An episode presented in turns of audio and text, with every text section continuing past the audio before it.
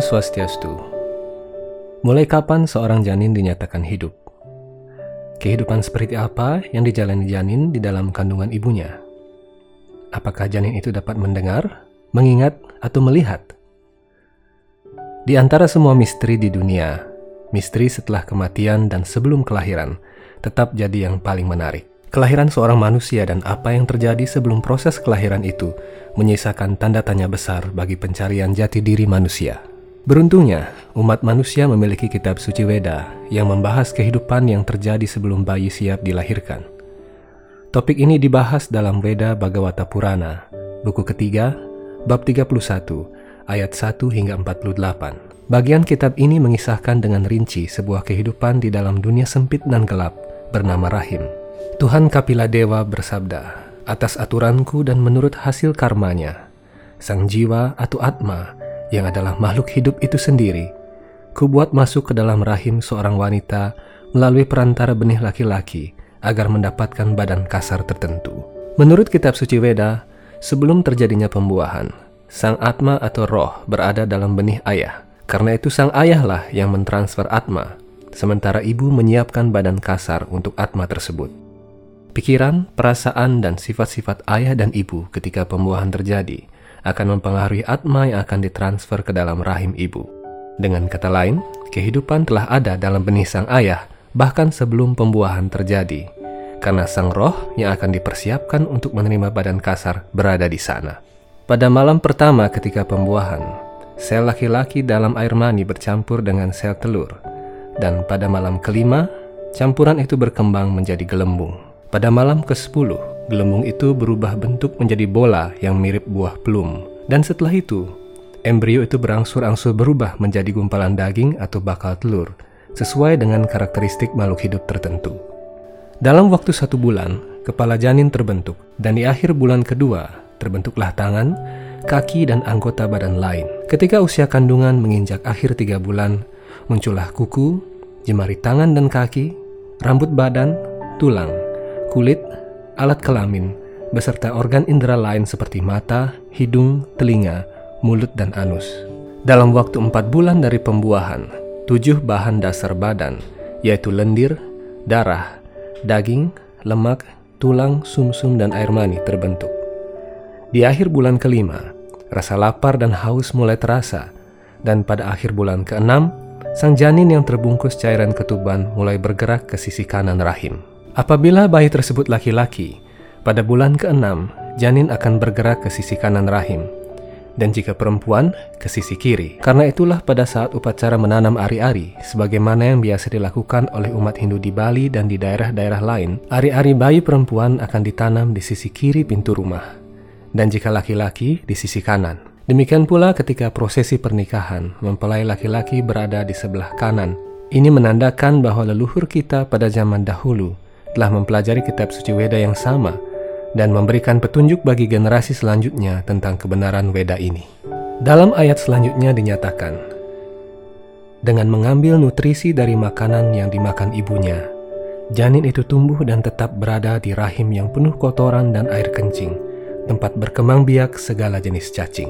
Dalam bahasa Sanskerta, cacing disebut saudara, artinya karena perut ibu merupakan tempat berkembang biaknya berbagai jenis cacing yang merembes ke dalam rahim, beberapa jenis cacing juga keluar bersamaan dengan lahirnya bayi. Jangankan dengan cacing yang lahir dari satu tempat dengan manusia, bahkan dengan pepohonan, binatang, dan sesama manusia pun kita bersaudara. Ayat selanjutnya menyatakan, Terus-menerus digigit di sekujur tubuhnya oleh cacing-cacing ganas yang kelaparan itu, Sang janin sangat kesakitan karena badannya masih lunak. Kadang-kadang janin itu tidak sadarkan diri karena keadaan yang mengerikan itu. Karena sang ibu memakan makanan yang pahit, pedas atau makanan yang terlalu asin atau asam. Janin itu terus-menerus merasakan sakit yang hampir tidak terperikan. Makanan yang dimakan oleh ibu akan sangat berpengaruh pada perkembangan janinnya. Karena kita tidak mengetahui rasa sakit yang dirasakan janin dalam kandungan, ketika janin bergerak-gerak, kita kadang berpikir, bahwa bayi itu senang dan hangat berada di dalam sana. Padahal kenyataannya tidaklah demikian. Berada dalam cairan ketuban dan dikelilingi oleh usus sang ibu, janin itu tetap berbaring di salah satu sisi rahim. Kepalanya membungkuk ke arah perut, sementara punggung dan lehernya melengkung layaknya busur. Sang janin bagaikan seekor burung dalam sangkar tanpa kebebasan bergerak. Pada saat itulah, jika ia cukup beruntung, ia bisa mengingat semua penderitaan dari seratus kelahirannya terdahulu, dan dia pun meratap. Bagaimana bisa ada rasa damai baginya dalam keadaan seperti itu? Karena kesadarannya berkembang dari bulan ketujuh, Sang janin didorong ke bawah oleh udara yang menekannya selama masa menjelang kelahiran. Sama seperti cacing-cacing yang menetas dalam rongga badan yang menjijikan itu, sang janin senantiasa bergerak-gerak. Janin yang berada dalam kondisi mengerikan itu dibungkus oleh tujuh lapisan elemen material, mulai berdoa dengan tangan tercakup, meratap kepada Tuhan yang telah menempatkannya dalam keadaan yang sangat menyakitkan itu. Janin itu berdoa, hamba berlindung di kaki Padma Tuhan yang muncul dan berjalan di muka bumi ini dalam wujud rohaninya yang beraneka ragam. Hamba hanya berlindung kepadanya, karena hanya dia yang bisa memberi hamba pembebasan dari rasa takut ini. Dia telah memberi hamba penderitaan ini yang sepadan dengan perbuatan jahat hamba. Jadi di dalam kandungan, janin dapat mengingat kehidupannya terdahulu dan meratapi perbuatannya. Karena itu janin dalam rahim ibu berdoa kepada Tuhan. Inilah sebab mengapa ketika berada dalam kandungan, posisi tangan janin berbentuk sedemikian rupa seperti seseorang yang sedang mencakupkan tangannya dan berdoa kepada Tuhan. Tradisi mencakupkan tangan untuk berdoa dan memberi salam adalah tradisi luhur yang bersumber dari kitab suci Weda dan diwariskan oleh leluhur kita di masa lampau. Mencakupkan tangan ketika berdoa dan memberi salam adalah sikap alami yang ditunjukkan oleh sang jiwa bahkan ketika berada dalam kandungan. Ayat selanjutnya berbunyi, berkubang dalam kolam darah, kotoran, dan air seni dalam rahim ibunya. Badan janin itu terbakar oleh api pencernaan sang ibu. Karena janin itu ingin segera keluar dari sana, dia mulai menghitung hari dan berdoa, "Wahai Tuhan, kapankah diriku, roh yang hina ini, dibebaskan dari penjara ini? Wahai Tuhan hamba yang terkasih, atas karuniamu yang tanpa sebab, hamba telah mendapatkan kesadaran hamba walaupun hamba baru berusia 10 bulan. Atas karuniamu ini, hamba tidak memiliki cara lain untuk memanjatkan terima kasih selain berdoa dengan tangan tercakup.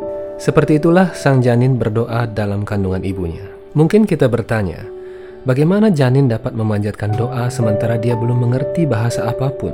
Ayat sebelumnya telah menjawab pertanyaan ini, bahwa janin dalam kandungan dapat ingat seratus kehidupannya yang terdahulu dan sudah barang tentu bahasa yang dipelajarinya.